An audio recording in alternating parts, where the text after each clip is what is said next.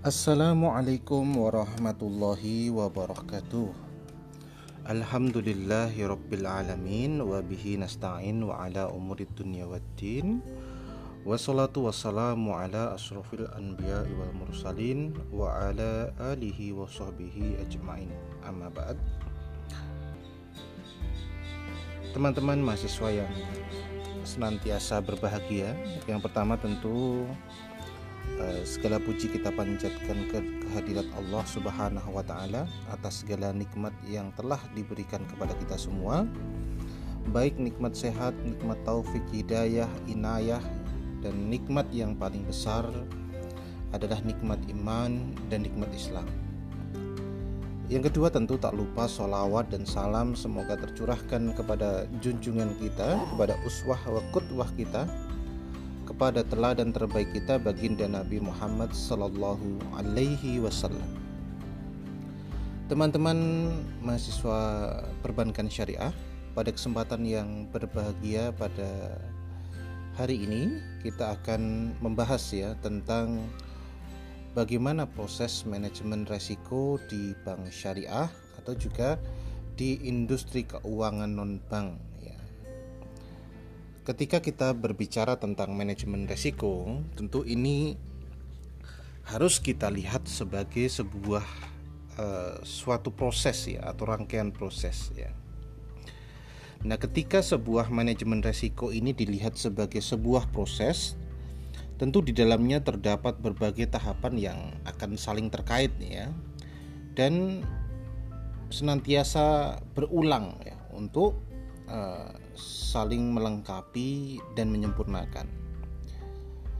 Nah, ketika tadi membahas tentang proses manajemen resiko, ini tentu akan berjalan beriringan dengan proses bank syariah itu sendiri, ya. Dan akan menyatu dengan seluruh aktivitas bisnis yang dilakukan oleh sebuah institusi perusahaan ya, dalam hal ini khususnya adalah bank syariah.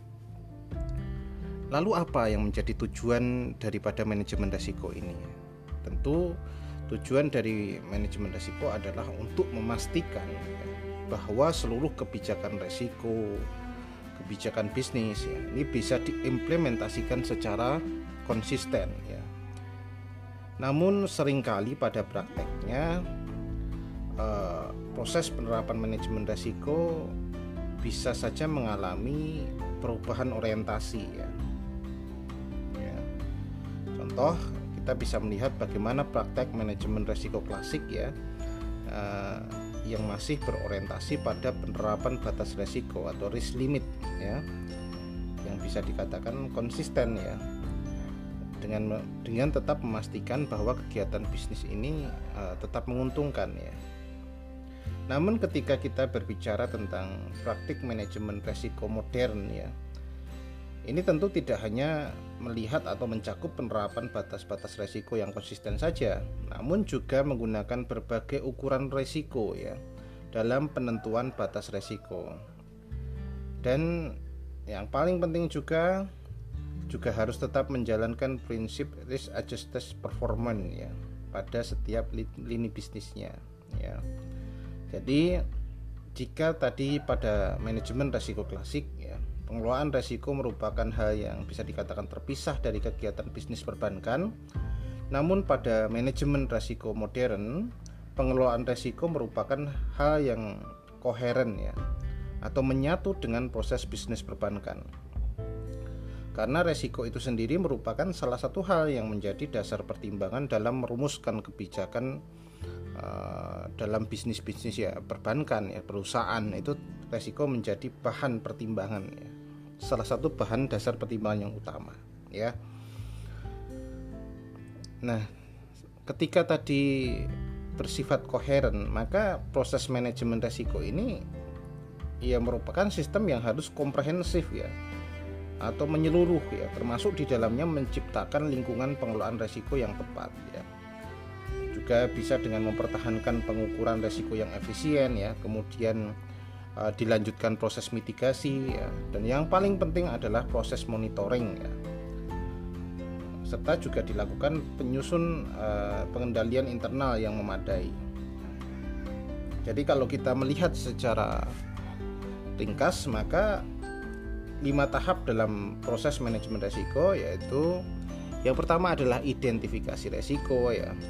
Kemudian pengukuran resiko kemudian mitigasi resiko kemudian monitoring resiko yang terakhir adalah pengendalian dan pelaporan resiko. Nah ini adalah lima tahap dalam proses manajemen resiko. Ya. Lalu bagaimana ketika kita ingin melihat ya model manajemen resiko di bank syariah ya? Memang kita kalau uh, melihat atau berbicara tentang model maka ada dua yang dikenal ya. Model generik atau model custom ya nah ketika kita uh, bicara tentang bagaimana praktek manajemen resiko maka pada dasarnya uh, tidak ada praktek manajemen resiko generik yang yang bisa diaplikasikan atau diterapkan di semua institusi termasuk bank. Yang ada ya hanya semacam standar kerangka saja atau proses manajemen resiko yang yang biasanya dijadikan panduan bagi setiap institusi perbankan atau maupun industri keuangan lain ya dalam menerapkan manajemen resiko ya. Contohnya seperti ya tadi uh, bahwa saya akan pernah mengatakan tadi uh, manajemen risiko modern ini menyatu dengan kebijakan bisnis perbankan ya. Nah, maka ketika manajemen risiko ini menyatu dengan bisnis kebijakan bisnis perbankan ya, maka praktek manajemen risiko di setiap bank bisa sangat tergantung dari karakteristik bisnis bank tersebut ya. Jadi memang bisa sangat uh, berbeda gitu ya. Ter, tergantung karakteristik entitas atau perusahaan. Demikian pula ketika kita berbicara tentang bank syariah. Walaupun sama-sama berada dalam industri perbankan, maka eh, tapi praktek manajemen resiko untuk bank syariah ini tentu tidak dapat disamakan ya dengan praktek yang ada pada bank konvensional. Dalam tataran standar ya misalkan. Kemudian eh, kerangka kerja begitu, ukuran apalagi proses manajemen resiko ya ini mungkin hal-hal yang uh, bisa dikatakan sama ya namun dalam tataran yang lebih dalam ya tataran filosofi ya kemudian bagaimana bentuk mitigasi yang diterapkan ya kemudian uh, kebijakan-kebijakan resiko nah ini keduanya bisa antara bank syariah dan bank konvensional ini bisa berbeda ya bisa sangat berbeda ya perbedaannya mungkin bisa 180 eh, derajat ya. Karena apa? Karena memang ada perbedaan prinsip yang sangat mendasar ya. Eh, karena kita sebagai pembelajar ya, apalagi penggiat atau pembelajar di perbankan syariah, ini pasti sudah sangat paham bahwa memang eh, prinsip-prinsip yang diterapkan antara bank konvensional dengan bank syariah adalah sangat berbeda ya. Nah, oleh karenanya, ketika kita berbicara bagaimana proses awal penerapan manajemen resiko, nah, tentu ini dimulai dari uh, analisis terhadap proses bisnis dan penentuan uh, konteks, ya, di mana uh, proses manajemen resiko atau manajemen resiko ini akan akan diterapkan nantinya, gitu. Nah, ketika uh, melihat bagaimana uh, manajemen risiko yang baik, maka ini indikatornya uh, harus sebuah proses manajemen risiko harus bisa menciptakan nilai tambah bagi sebuah perusahaan, bagi sebuah industri, bagi sebuah perbankan. Nah, hal tersebut tentu tidak akan bisa terwujud ya, jika manajemen resiko bukan merupakan bagian yang integral dari sebuah institusi atau perusahaan ya jadi kesimpulannya adalah resiko ini harus menjadi dasar pertimbangan dalam proses pengambilan keputusan ya yang tentu penerapannya tetap disesuaikan dengan karakteristik eh, suatu industri atau perbankan namun di sisi lain penerapannya juga tidak boleh terlalu kaku ya tidak boleh kaku karena manajemen resiko yang baik seharusnya berjalan secara dinamis, iteratif ya, responsif ya terhadap setiap perubahan yang terjadi di lingkungan internal maupun eksternal pada sebuah industri keuangan perbankan. Jadi memang seperti saya katakan yang lalu-lalu ya pada kesempatan yang lalu-lalu bahwa memang ilmu-ilmu tentang manajemen resiko ini begitu fleksibel, begitu dinamis ya. Apalagi kita bisa melihat bagaimana perkembangan atau perubahan dalam industri perbankan sendiri yang Eh, saya bisa katakan demikian pesatnya ya apalagi teman-teman bisa tengok ya kita saksikan sendiri bagaimana perkembangan perbankan ya industri perbankan dalam satu dasawarsa terakhir 10 tahun terakhir ya. Luar biasa sekali. Ya. Nah bisnis yang berkembang begitu pesat ya yang e, bisnisnya semakin kompleks ini tentu mengharuskan setiap Eh, komite manajemen resiko berpikir mendalam ya agar resiko-resiko yang baru akan muncul ini bisa betul-betul dimitigasi ya dilihat diukur dan dimitigasi. Jangan sampai lengah begitu ya. Kemudian selanjutnya ketika kita berbicara tentang kerangka kerja manajemen resiko ya. Nah tadi saya katakan bahwa kerangka kerja resiko ini tidak bisa diterapkan eh, ini hanya sebagai acuan saja. Acuan yang bisa dijadikan pedoman tetapi tidak kemudian langsung ke semua perusahaan dengan standar yang sama. Ini hanya sebagai acuan yang kemudian bisa dikembangkan eh, sesuai dengan karakteristik perusahaan itu sendiri ya.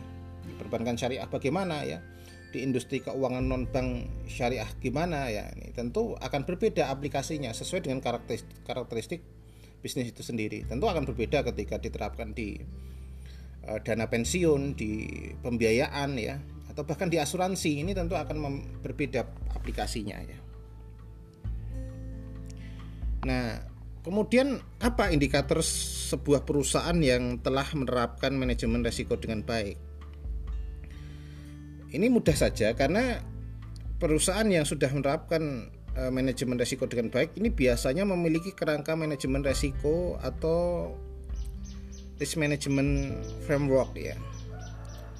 Nah, bentuk secara umum kerangka manajemen resiko ini bisa teman-teman lihat pada slide ya yang saya tampilkan. Nah, di sana tentu teman-teman bisa tengok ya bahwa kerangka manajemen resiko yang yang baik ini tentu dimulai dari uh, pemberian mandat dan komitmen kepada uh, salah satu unit dalam struktur organisasi uh, di bank atau di perusahaan mana pun lah. Di mana unit ini ya bertanggung jawab untuk memastikan penerapan manajemen resiko di sebuah industri di bank syariah. Nah, Nah, yang namanya mandat dan komitmen ini biasanya tercantum secara jelas pada uh, sebuah dokumen ya. Nah, namanya risk management charter itu ya. Yang biasanya di dalamnya memuat uh, filosofi penerapan manajemen resiko pada bank syariah, kemudian uh, ada struktur organisasi manajemen resiko, kemudian ada pembagian wewenang tanggung jawab ya. Kemudian berbagai ketentuan teknis koordinasi manajemen resiko hingga pada Eh, bagaimana proses evaluasi periodik terhadap praktik manajemen risiko di bank syariah atau kalau kita bicara bank syariah atau di industri keuangan non bank ya. Nah, risk management charter tadi yang saya katakan tadi ini tentu mencerminkan ya uh, kalau di perusahaan itu ya komitmennya ya. Komitmen industri komitmen perusahaan ya dalam menerapkan praktik manajemen risiko yang baik ya. Karena komitmen itu harus tercantum secara eksplisit dalam sebuah dokumen yang legal ya. Sehingga nanti akan akan bisa dijadikan eh, sebagai dasar ya dalam melaksanakan dalam mengaplikasikan praktek manajemen resiko yang yang menyeluruh yang komprehensif begitu. Ya. Nah setelah mandat dan komitmen ya teman-teman bisa lihat di bagian yang saya cantumkan ya maka dalam skema atau dalam diagram maka kerangka manajemen resiko ini mengikuti prinsip uh, plan, do, check dan aksi ya. Ini tentu dimulai dari yang pertama adalah menyusun kerangka kerja manajemen resiko. Nah, ini masuk dalam uh, perencanaan atau plan ya. Kemudian ketika sudah didesain gitu ya, termasuk di dalamnya itu harus memahami bisnis per, bisnis di perusahaan kita itu seperti apa ya, konteksnya seperti apa ya. Kemudian di dalamnya di dalam plan itu juga ada yang namanya kebijakan manajemen resiko ya. Kemudian bagaimana bagaimana caranya mengintegrasikan ke dalam proses organisasi kemudian. Kemudian juga harus uh, melingkupi atau mencakup akuntabilitas pada perusahaan ya kemudian sumber daya ya baik manusia sumber daya teknologi dan lain sebagainya ini ini masuk dalam plan tadi ya. Bagaimana kemudian teknis ya komunikasi internal dan eksternal ya. Dan terakhir mekanisme laporan. Nah ini harus ada dan disusun pada uh, kerangka yang pertama yaitu plan tadi. Bagaimana merencanakan. Nah ketika sudah merencanakan tentu Selanjutnya adalah bagaimana melakukan, bagaimana melaksanakan, do kan ya. Bagaimana mengimplementasikan desain kerangka kerja manajemen resiko ya dengan baik ya. Jadi ya mengimplementasikan frameworknya ya, kemudian mengimplementasikan manajemen resiko baik secara prosesnya. Nah, ini adalah satu hal yang uh, harus di, dilaksanakan ya. Kemudian tentu yang berikutnya ketika sudah dilaksanakan maka harus dimonitoring ya dan monitoring itu juga harus diikuti dengan proses review kerangka manajemen resiko apakah sudah berjalan betul-betul sesuai yang diharapkan secara konsisten atau ada hal-hal yang dievaluasi maka hasil dari monitoring dan review tadi akan dilaksanakan eh, perbaikan secara kontinu ya atas risk management framework yang sudah disusun. Nah, proses ini tentu tadi proses yang uh, berkelanjutan, berulang dan berkelanjutan. Maka yang namanya kerangka kerja ini bisa berubah ya dari satu waktu ke waktu yang lain ya. Nah, karena sesuatu yang senantiasa dievaluasi, maka kita bisa tengok bagaimana uh, regulasi-regulasi manajemen resiko bahkan standar manajemen resiko di setiap perusahaan itu uh, sifatnya sangat dinamis. Dan harus responsif terhadap berbagai perubahan-perubahan yang ada. Tadi saya katakan kerangka manajemen resiko tidak boleh terlalu kaku, ya harus dinamis dan responsif itu. Artinya apa? Artinya harus merespon setiap perubahan yang ada, apalagi di dunia perbankan. Nah, uh, demikian ya ini terkait bagaimana kerangka manajemen resiko nanti kita lanjutkan di sesi berikutnya untuk kesempatan ini barangkali ada pertanyaan silahkan. Kalau ada silahkan bisa disampaikan di menu komentar ya. Dari saya mungkin saya cukupkan. Kita lanjutkan di sesi berikutnya. Terima kasih. Wassalamualaikum warahmatullahi wabarakatuh.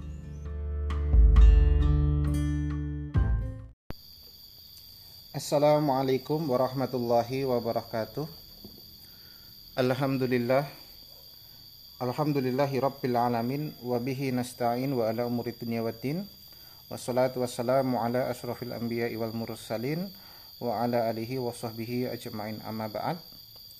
Yang pertama tentu rasa syukur kita haturkan kepada Allah subhanahu wa ta'ala Atas segala kebaikan-kebaikan Atas segala kenikmatan-kenikmatan yang telah diberikan kepada kita semua. Yang kedua tentu salawat dan salam semoga Allah senantiasa curahkan kepada uswah wa kutwah kita kepada tola dan terbaik kita bagi dan Nabi Muhammad Sallallahu Alaihi Wasallam. Teman-teman mahasiswa yang berbahagia, Alhamdulillah pada kesempatan hari ini kita akan belajar tentang uh, resiko operasional pada uh, bank syariah. Ya. Tentu sebelum uh, kita membahas lebih lanjut tentang op resiko operasional, tentu kita harus tahu ya bagaimana awal mula sejarah resiko operasional itu muncul ya. Nah, ketika kita berbicara resiko operasional kita bisa mengatakan bahwa ini adalah resiko yang paling paling tua ya. Atau paling awal paling lama gitu ya. Dalam bisnis apa pun ya. Khususnya perbankan ya ketika kemudian kita ditanya eh, kapan eh, resiko operasional itu pertama kali muncul saya bisa mengatakan resiko ini muncul saat perbankan pertama kali ada gitu ya. Nah, kemudian resiko operasional ini juga akan selalu ada ya selama sebuah proses bisnis e, berjalan gitu. Artinya resiko operasional ini akan terus terjadi ya. Kemudian pertanyaannya, resiko operasional itu resiko yang seperti apa atau disebabkan karena apa kan begitu ya. Uh, maka resiko operasional ini bisa terjadi akibat faktor dari manusia misalkan atau ketika kita bicara manusia berarti ada proses internal itu juga bisa ya. Kemudian kalau hari ini kita melihat bagaimana sistem IT yang canggih, maka sistem dan teknologi yang canggih ini juga beresiko pada resiko operasional ya. Kemudian bagaimana kontrol kepatuhan terhadap aturan. Ini juga menjadi sebab daripada resiko operasional ya. Atau juga bisa dikatakan faktor-faktor eksternal seperti bencana alam ya kerusuhan ya dan hal-hal yang lain ya dari faktor eksternal itu sendiri. Kemudian ketika kita bicara resiko operasional ini tentu bisa menyebabkan uh, terjadinya resiko-resiko yang lain ya. Nah tetapi kalau kita telusur lagi begitu ya maka ketika resiko operasional itu bisa menjadi sebab terjadinya resiko-resiko yang lain tetapi setelah kita buat skema begitu atau kita buat suatu siklus ya resiko operasional ini menjadi starting point ya. Juga sekaligus menjadi destination point ya ketika kita berbicara siklus-siklus resiko ini ya Tentu ini diperkuat dengan banyak penelitian yang sudah uh, dilakukan ya. Bahwa uh, keberhasilan suatu uh, manajemen sebuah perusahaan atau sebuah uh, perbankan ya dalam mengelola uh, dalam mengelola resiko operasional ini pasti akan berdampak positif terhadap naiknya kualitas dan stabilitas pendapatan atau earning yang diperoleh pada bisnis perbankan itu sendiri gitu ya. Tentu ini akan berdampak pada e, meningkatnya daya saing dan e, daya tahan suatu entitas atau perusahaan gitu ya.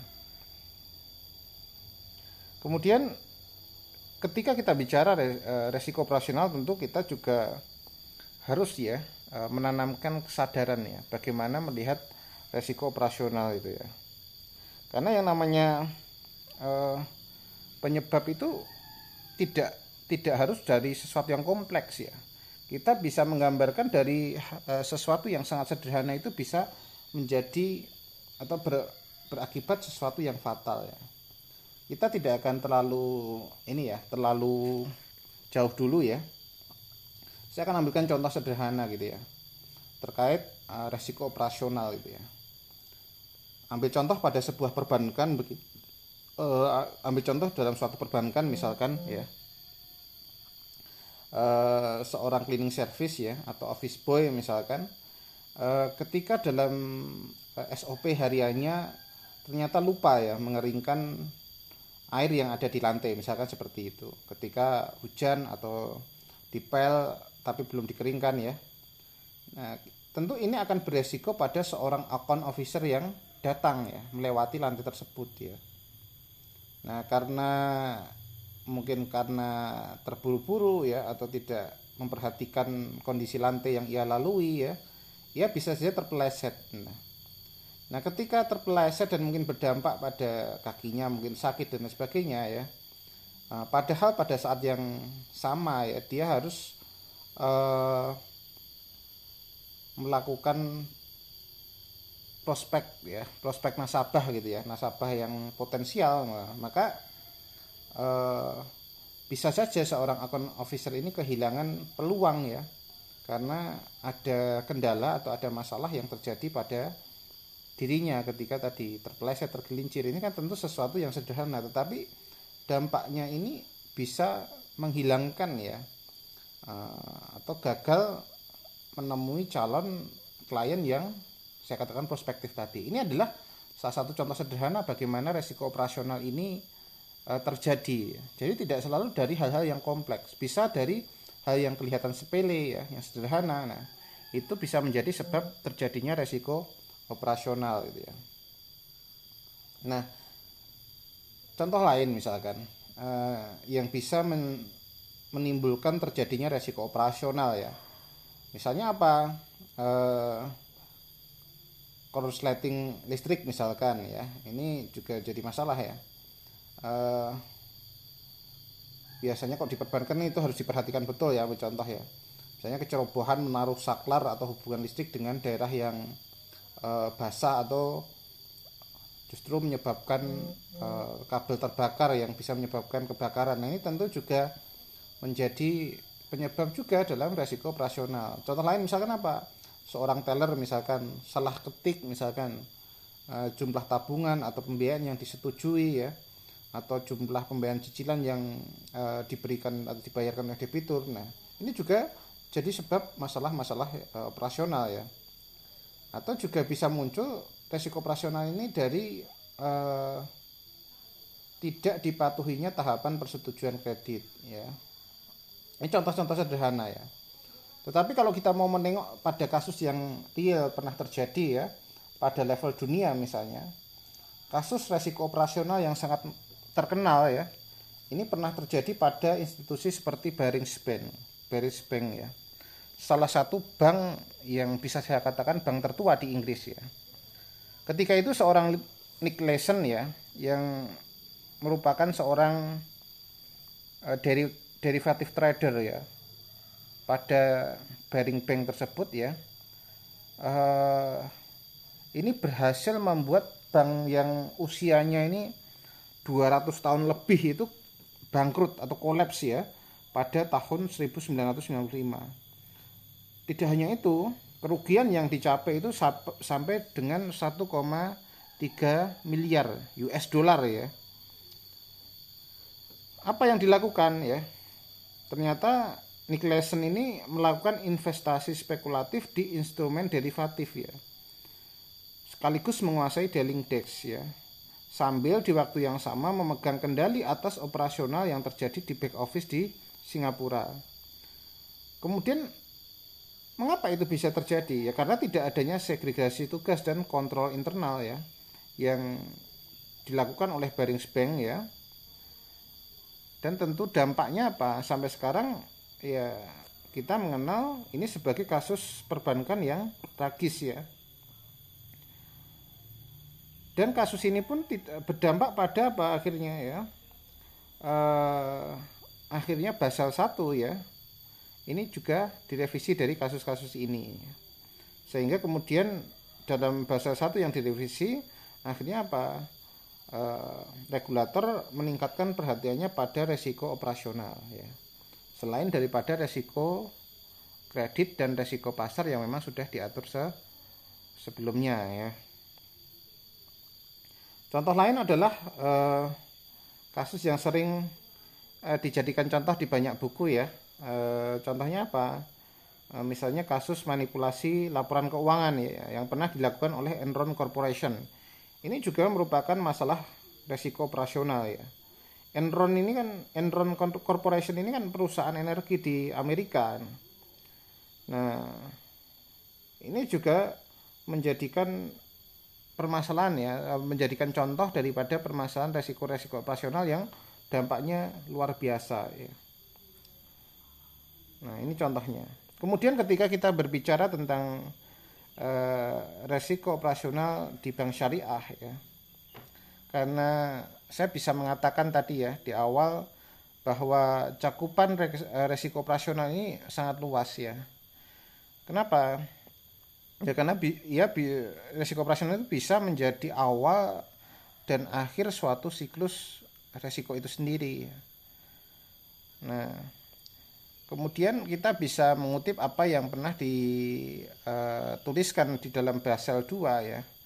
yang mendefinisikan resiko operasional sebagai uh, risk of loss resulting from inadequate ya or fail internal process ya people or system or from external event ya.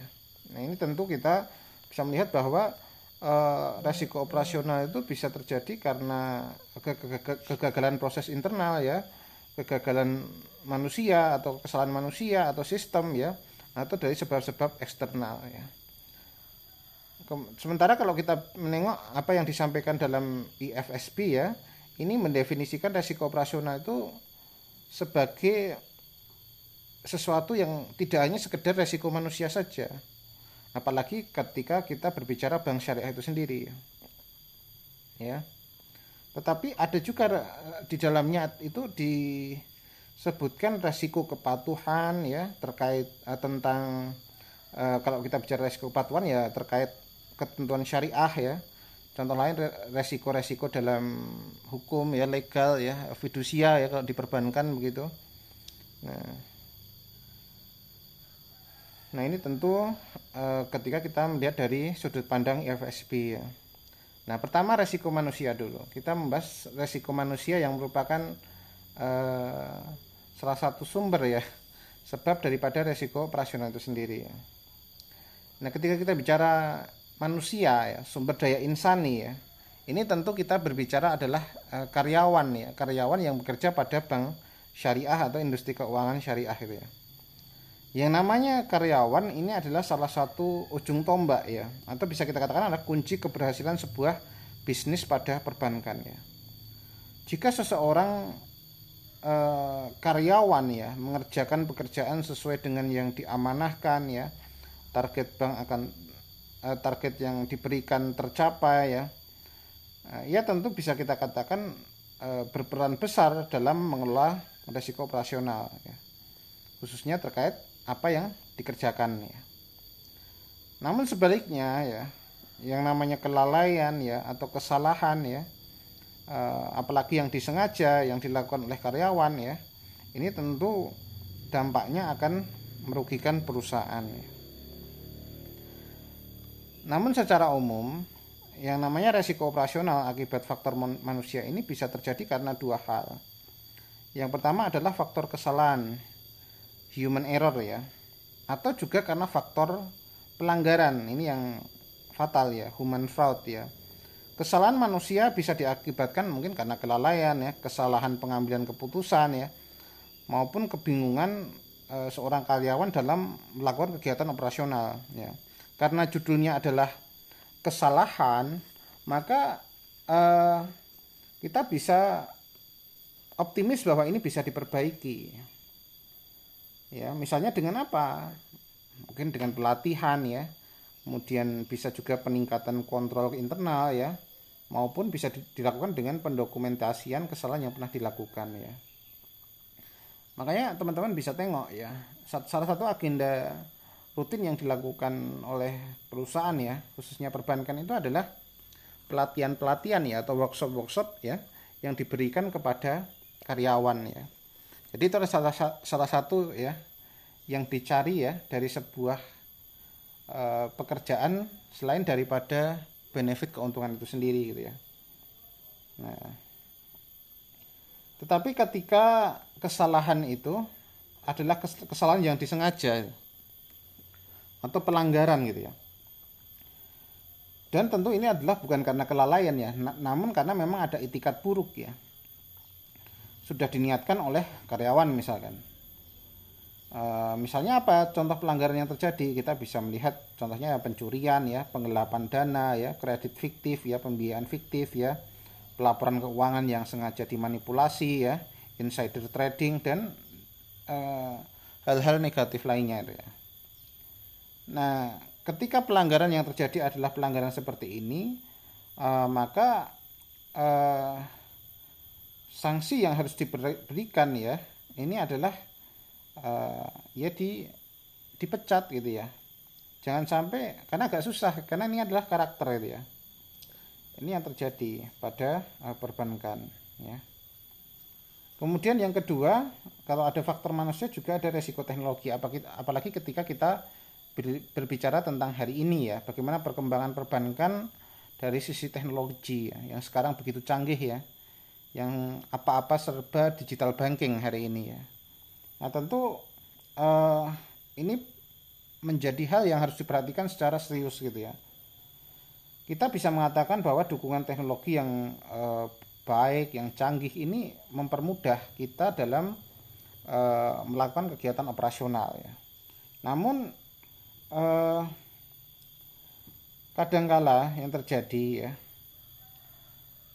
uh, teknologi yang kita pakai yang dipakai oleh perusahaan itu juga tidak kemudian aman dari uh, masalah ya. Kadangkala ada sistem error ya ada hal-hal yang uh, paling sim simpel adalah bagaimana ketika listrik uh, mati dan lain sebagainya. Nah hal-hal yang sepele ini tentu akan bisa berdampak pada resiko teknologi gitu ya.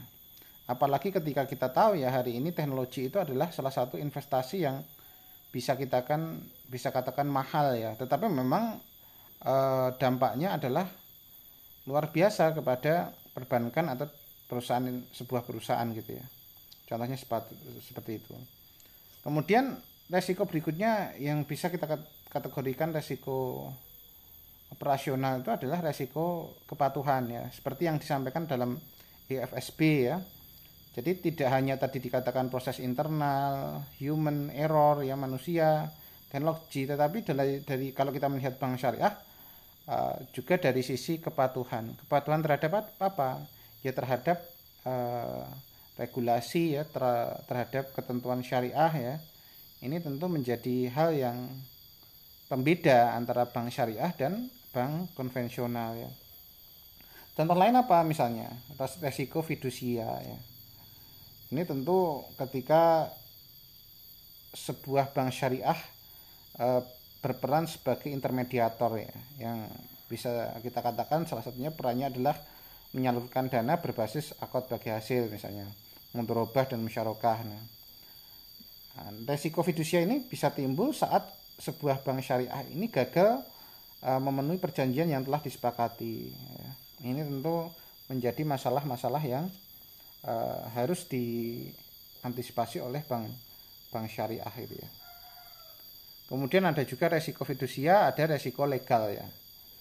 Nah, resiko legal itu lebih kepada saat sebuah bank syariah ya atau karyawan bank syariah ya melakukan tindakan ya tindakan tindakan tingkatan yang melanggar hukum ya. Tentu ini akibatnya bank harus memberikan sebuah kewajiban ya sebagai bentuk sanksi atas tindakan pelanggaran yang dilakukan oleh karyawannya ya. Atau bisa jadi karena sebuah bank syariah e, terlibat kasus hukum ya. Akibat e, misalnya salah menginterpretasikan hukum dan regulasi ya.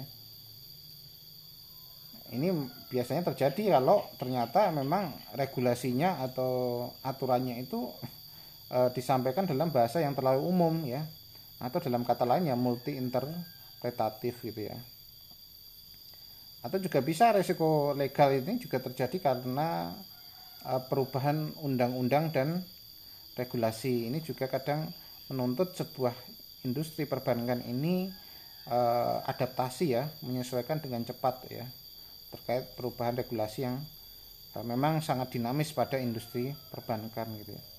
Kemudian ada juga resiko reputasi yang merupakan eh, yang merupakan salah satu dari bentuk resiko operasional ya. Namanya reputasi ya, ini kita bisa ken, kenal dengan istilah headline risk ya atau pada saat ini kita bisa uh, melihat sebagai Twitter risk gitu ya. Ini tidak hanya berpotensi menimbulkan kerugian pada bank yang mengalaminya ya, namun bisa juga berdampak pada industri bank secara umum ya. Yang namanya reputasi itu kan ketika seseorang nasabah ya, masyarakat tidak percaya pada perbankan, apa yang dilakukan? Ya dia akan cenderung menarik dananya dari bank tersebut ya. Ras ya, penarikan dana besar-besaran ya. Bahkan dalam kasus yang ekstrim, pemegang saham itu ya menjual sahamnya ya. Dan tentu dampaknya apa? Bisa menyebabkan resiko likuiditas ya. Ini contoh-contoh gambaran resiko resiko operasional ya yang terjadi pada institusi seperti bank syariah ya. Terima kasih teman-teman. Ini sesi yang pertama ya. Insya Allah nanti kita akan lanjutkan pada sesi yang kedua. Terima kasih atas atensi teman-teman. Dari saya mohon maaf apabila ada salah dalam lisan dan laku. Akhir kata wassalamualaikum warahmatullahi wabarakatuh.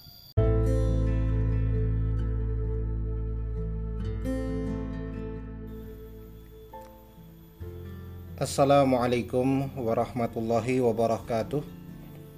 Teman-teman mahasiswa perbankan syariah kelas 6E yang senantiasa berbahagia Alhamdulillah pada kesempatan hari ini kita akan uh, membahas ya uh, Yang mana pada kesempatan hari ini adalah pengayaan daripada uh, mata kuliah Islamic Social Finance ya teman-teman, uh, yang pertama tentu saya mengajak teman-teman sekalian untuk senantiasa mengucap syukur Alhamdulillah atas betapa banyak nikmat yang begitu banyak Allah berikan kepada kita. Yang kedua, salawat dan salam semoga Allah senantiasa curahkan kepada junjungan kita, kepada uswah wa qudwah kita, teladan terbaik kita baginda Nabi Muhammad Sallallahu Alaihi Wasallam. Teman-teman mahasiswa perbankan syariah yang berbahagia, uh, tentu untuk mengalami uh, mengawali ya uh, tentang bagaimana perkembangan uh, lembaga keuangan sosial Islam di Indonesia tentu teman-teman ada yang masih ingat ya peristiwa yang terjadi sekitar 12-an tahun atau bahkan uh, 10 tahunan yang lalu kira-kira ya. Di mana momentum itu juga tidak uh, jauh di bulan-bulan Ramadan ya di Indonesia ketika itu terjadi fenomena yang mungkin sampai hari ini kita uh, ingat sebagai peristiwa yang memprihatinkan ya. Karena apa? Karena banyak mengenal itu sebagai tragedi, tra, tragedi zakat gitu ya. Uh, awalnya apa? Mengapa peristiwa ini bisa terjadi? Cerita ini mungkin bisa kita lihat bagaimana ketika seseorang ya, seorang pengusaha, seorang yang cukup kaya begitu ya yang berasal dari daerah Jawa Timur begitu. Uh, sebut saja Pak Dermawan gitu ya uh, bukan nama sebenarnya ya. Yang tujuannya Islam baik ya bermaksud untuk membagikan harta zakatnya kepada orang-orang miskin yang ada di daerah tersebut gitu ya. Nah uh, Pak Dermawan ini uh, sebenarnya sudah sebelumnya sudah bertahun-tahun ya membagikan zakat secara langsung kepada orang-orang miskin yang ada di sekitarnya gitu ya. Yang mana beliau ini memberikan ribuan amplop yang berisi uang ya. Yang jumlahnya ketika itu ya 10 sampai 40 ribu. Yang tentu saja cukup nilai yang cukup besar ketika itu ya. Nah, kira-kira pada bulan uh, apa itu ya September 2008 itu ya ribuan orang-orang itu berduyun-duyun ya antri di depan rumah ya Pak Pak Dermawan tadi ya Nah, pembagian uang zakat eh, yang digelar dalam sebuah acara yang besar begitu ya, ada semacam kegiatan begitu. Nah, walaupun undangan yang diberikan itu eh, resmi ya karena disebarkan kepada eh, warga miskin di sekitar rumahnya Pak Dermawan tadi ya. Tetapi juga di sisi lain acara ini juga pernah diiklankan di eh, media radio setempat ya ya, dan kemudian juga meminta warga yang mendengarnya untuk mendatangi rumah Pak Dermawan tadi ya.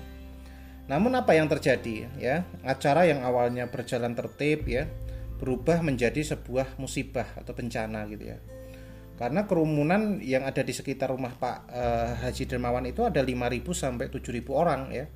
Yang kebanyakan terdiri dari ibu-ibu ya, anak-anak, keluarga yang bisa dikatakan eh, miskin di sekitarnya itu karena jumlah masa yang banyak maka tentu yang terjadi apa? Uh, karena berdesak-desaan ya mulai muncul uh, ketidaktertiban gitu ya. Uh, terjadi saling berebut ya memasuki rumah atau halaman Pak Dermawan ini.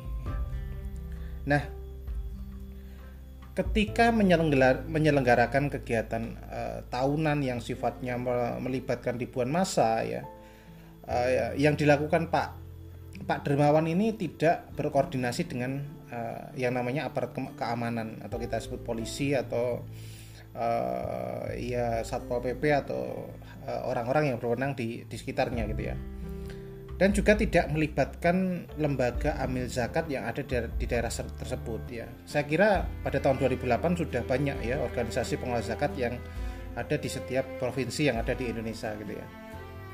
Atau misalnya pengurus masjid ya atau orang-orang yang memang uh, sudah berpengalaman dalam uh, pengelolaan zakat ya. Nah, Pak Dermawan ini justru memilih untuk membagikan amplop atau uang zakat tadi secara langsung dari tangan mereka ya Kemudian apa yang terjadi? Alhasil karena tadi masa yang sampai bahkan dalam sebuah data dikatakan 7000 orang ya, maka eh, konsentrasi massa yang tidak terantisipasi ini berujung pada sebuah kondisi kekacauan gitu ya. Kenapa?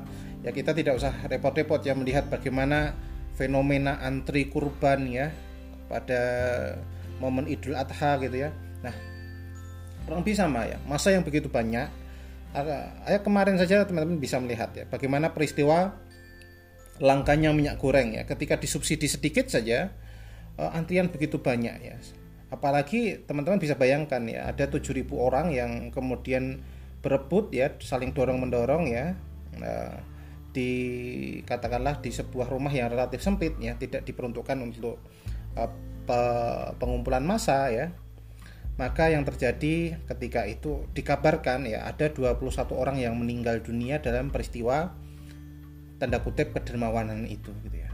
Dan ada ratusan orang yang terluka ya karena sesak nafas ya, berdesak-desaan ya karena memang uh, yang berkumpul ini tidak hanya orang-orang yang uh, relatif muda atau uh, fit kondisinya, banyak di sana anak-anak, orang tua ya, ibu-ibu ya yang mungkin uh, tidak siap untuk eh, kondisi seperti itu gitu ya. Nah, teman-teman sekalian, teman-teman PPS ya yang berbahagia ya.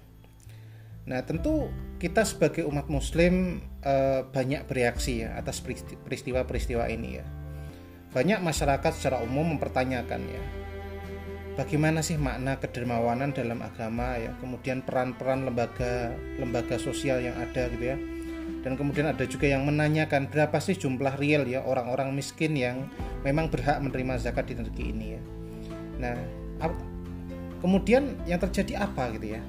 Yang terjadi insiden yang terjadi itu berkembang ya menjadi isu-isu agama ya, isu-isu hukum ya, bahkan isu-isu sosial dan politik ya. Banyak pihak keamanan, pihak yang berwajib kemudian menginvestigasi ya penyebab terjadinya tragedi ini ya. Nah, kemudian Berakhirlah kesimpulan ya bahwa keluarga Pak Dermawan ini dan panitia kegiatan amal dianggap lalai karena tidak melibatkan eh, aparat keamanan gitu atau pihak yang memang berwenang gitu ya. Kemudian kita juga melihat ya bagaimana para ulama ya, politisi ya, aparat pemerintah ya menunjukkan eh, pandangan mereka atau sikap-sikap mereka ya. Seperti kita tengok ya Majelis Ulama Indonesia MUI ya ini menekankan ya bahwa metode atau cara yang digunakan uh, Haji Dermawan atau Pak Dermawan ya ini uh, adalah cara yang tanda kutip adalah cara yang haram gitu ya. Jadi langsung MUI menjustify ya bahwa metode yang dilakukan oleh Pak Dermawan itu adalah cara yang haram ya karena cara zakat didistribusikan kepada orang yang berhak harus melalui organisasi atau lembaga yang kredibel gitu ya atau terpercaya gitu. Nah, MUI juga menegaskan bahwa adalah hak setiap seseorang untuk membagikan zakat mereka secara langsung kepada penerimanya. Tetapi perlu diingat ya, cara melakukannya harus manusiawi dan sesuai dengan prinsip-prinsip Islam ya. Terus kemudian eh, masih menurut MUI juga Islam telah menunjuk ya adanya lembaga-lembaga terpercaya sebagai tempat di mana zakat dapat disalurkan. Karena yang namanya membagikan zakat tanpa melibatkan lembaga amil yang terpercaya adalah bisa kita katakan tidak pantas sebab meminta kepada orang-orang miskin untuk antri di depan rumah orang kaya. Bukan saja tidak pantas atau kurang beradab ya, tetapi juga secara etika menodai martabat orang-orang miskin gitu ya. Ketika itu ya, ketua Badan Amil Zakat Nasional atau Basnas ya hari ini uh, Prof Didin Hafiduddin uh, ikut menyuarakan pendapatnya tentang tata kelola zakat ya. Beliau mengatakan bahwa mustahik ya atau golongan yang berhak menerima zakat harus secara serius diidentifikasi oleh sebuah uh, apa namanya komite ya atau tim ya yang memang diakui atau kredibel ya sehingga zakat ini dapat diterima oleh mereka yang betul-betul berhak menerimanya. Tetapi di lain kesempatan uh, Prof Didin ini juga mengakui bahwa selain uh, kurangnya pemahaman dan pengetahuan di kalangan muslim sendiri tentang bagaimana seharusnya zakat itu dikelola dan dis, didistribusikan gitu ya. Uh, dan tidak banyak banyak orang yang uh, paham ya atau mengerti ya keberadaan lembaga pengelola zakat di tempat mereka tinggal. Maka teman-teman hari ini juga harus mengedukasi atau meliterasi ya Eh, masyarakat di sekitar ya. Apalagi hari ini memang sudah didukung dengan OPS OPS ya atau organisasi pengelola zakat yang cukup banyak di area di sekitar kita gitu ya. Teman-teman sekalian teman-teman PPS uh, eh, E yang berbahagia ya. Uh, tragedi tragedi zakat ini sebenarnya tidak tidak hanya itu saja gitu ya. Bahkan kita bisa uh, uh, lihat ya bagaimana ketika terjadi wawancara gitu ya di sebuah uh, eh, TV nasional ketika itu salah seorang keponakan Pak Dermawan ya seperti tadi ya menunjukkan ketidaksetujuannya dengan sikap MUI dengan mengatakan bahwa adalah hak bagi keluarganya untuk membagikan uh, zakat secara langsung kepada orang-orang miskin tanpa harus melalui uh, lembaga pengelola zakat uh, ya keluarga Pak Demani juga mengatakan bahwa seharusnya pemerintah berterima kasih ya ke, kepada keluarga Pak Dermawan ya daripada menyalahkannya ya. Menurutnya tragedi yang terjadi ini uh, pada dasarnya adalah akumulasi dari lemahnya upaya pemerintah dalam mengentaskan kemiskinan uh, yang terjadi khususnya di Indonesia ya. Terutama ketika itu memang terjadi fenomena eh, naiknya bahan bakar minyak gitu ya, beberapa bulan sebelum Ramadan. Dan pada saat yang sama begitu, teman-teman juga bisa tengok ya, eh, pemerintah dianggap tidak eh, mampu ketika itu ya, ketika itu menyediakan sistem kesejahteraan yang memadai ketika jumlah orang-orang miskin bertambah jumlahnya dengan cepat ya. Nah, teman-teman sekalian ya, betapa apa yang terjadi hari itu ya tragedi zakat ini ya uh, tidak hanya pemuka-pemuka agama Islam saja yang merasa dipermalukan dengan tragedi ini, tetapi juga para politikus ya. Uh, kemudian uh, bersama-sama kemudian memberikan simpati yang mendalam ketika itu atas kejadian yang kemudian mengakibatkan banyak korban jiwa itu ya. Nah ini uh, ini adalah peristiwa yang terjadi di negara kita beberapa tahun yang silam gitu ya. Tentu ini kemudian eh, teman-teman ya bisa mengambil makna ya. Bahkan hari ini teman-teman mungkin melihat ya viralnya uh, salah, salah seseorang ya yang kemudian ada apa namanya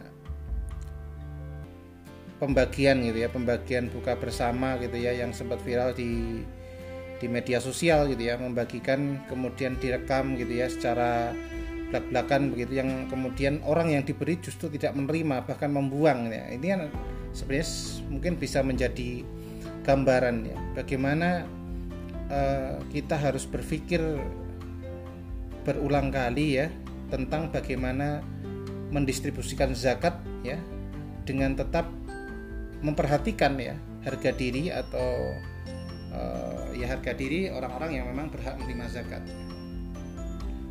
Oke teman-teman sekalian, ya. Kemudian kita juga harus uh, memaknai ya bagaimana tradisi filantropi yang berkembang ya yang ada di dalam masyarakat muslim ya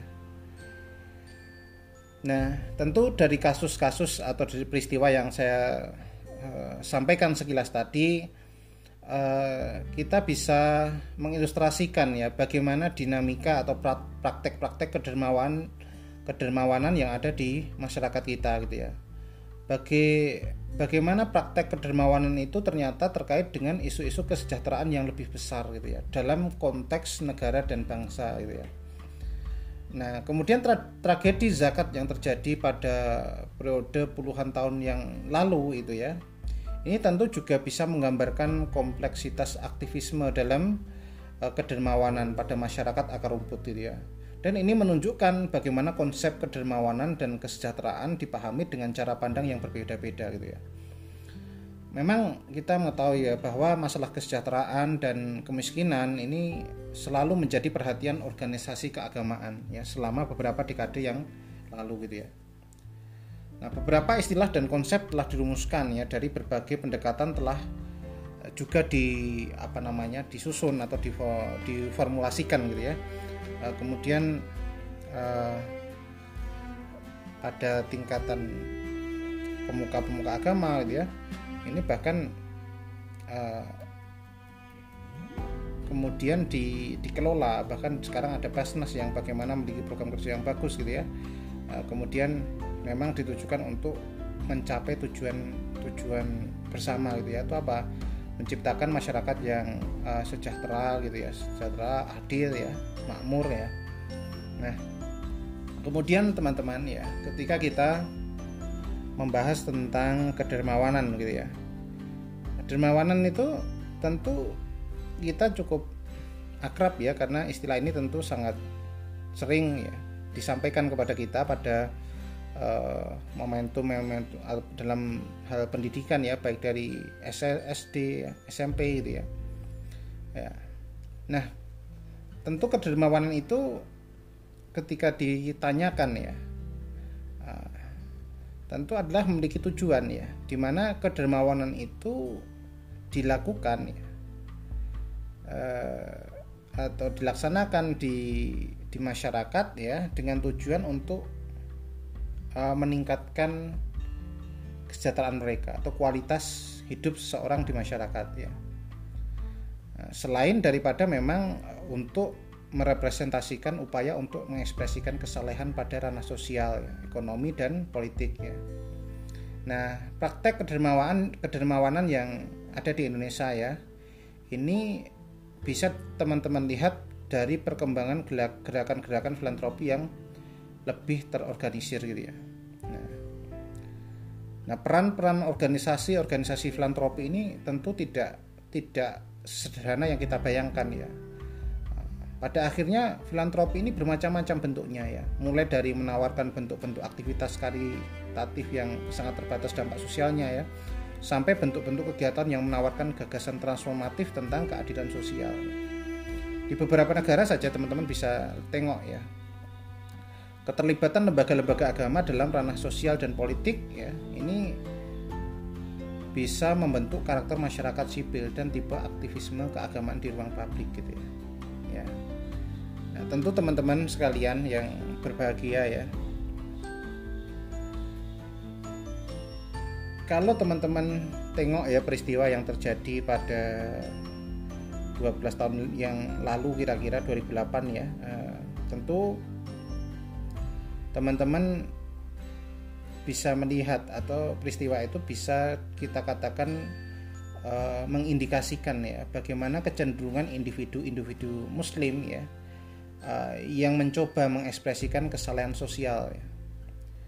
uh, kesalahan sosial keagamaan itu ya yang mereka tentu tidak mencoba melibatkan lembaga-lembaga filantropi yang sudah terbentuk ya Tentu ini beralasan juga ya karena di mata mereka ya di dalam masyarakat ya uh, di dalam masyarakat kita gitu ya menjadi dermawan ya atau berderma ataupun membayar zakat ini merupakan bagian dari kewajiban individu. Ya, atau beberapa juga ada yang berbuat apakah kewajiban kolektif ya? Misalnya uh, perbedaan cara pandang tentang uh, pembayaran zakat ya. Nah, ini tentu uh, hari ini saja teman-teman bisa lihat ya bagaimana peristiwa pembayaran zakat fitri yang ada di desa-desa itu ya. Uh, kadang kalau di desa itu sudah ada panitia tetapi sebagian masyarakat juga uh, ada yang lebih suka membayarkan langsung kalau itu mungkin saya kira tidak masalah ya karena memang tidak sampai berdampak pada hal yang besar. Tapi ketika kapasitasnya seperti yang terjadi Pak Dermawan ini ya yang memang berpotensi mengumpulkan massa sampai ribuan orang ya tentu ini harus dikelola secara lebih uh, hati-hati gitu ya. Karena memiliki potensi dan resiko yang jauh lebih besar gitu ya. Nah, teman-teman ya.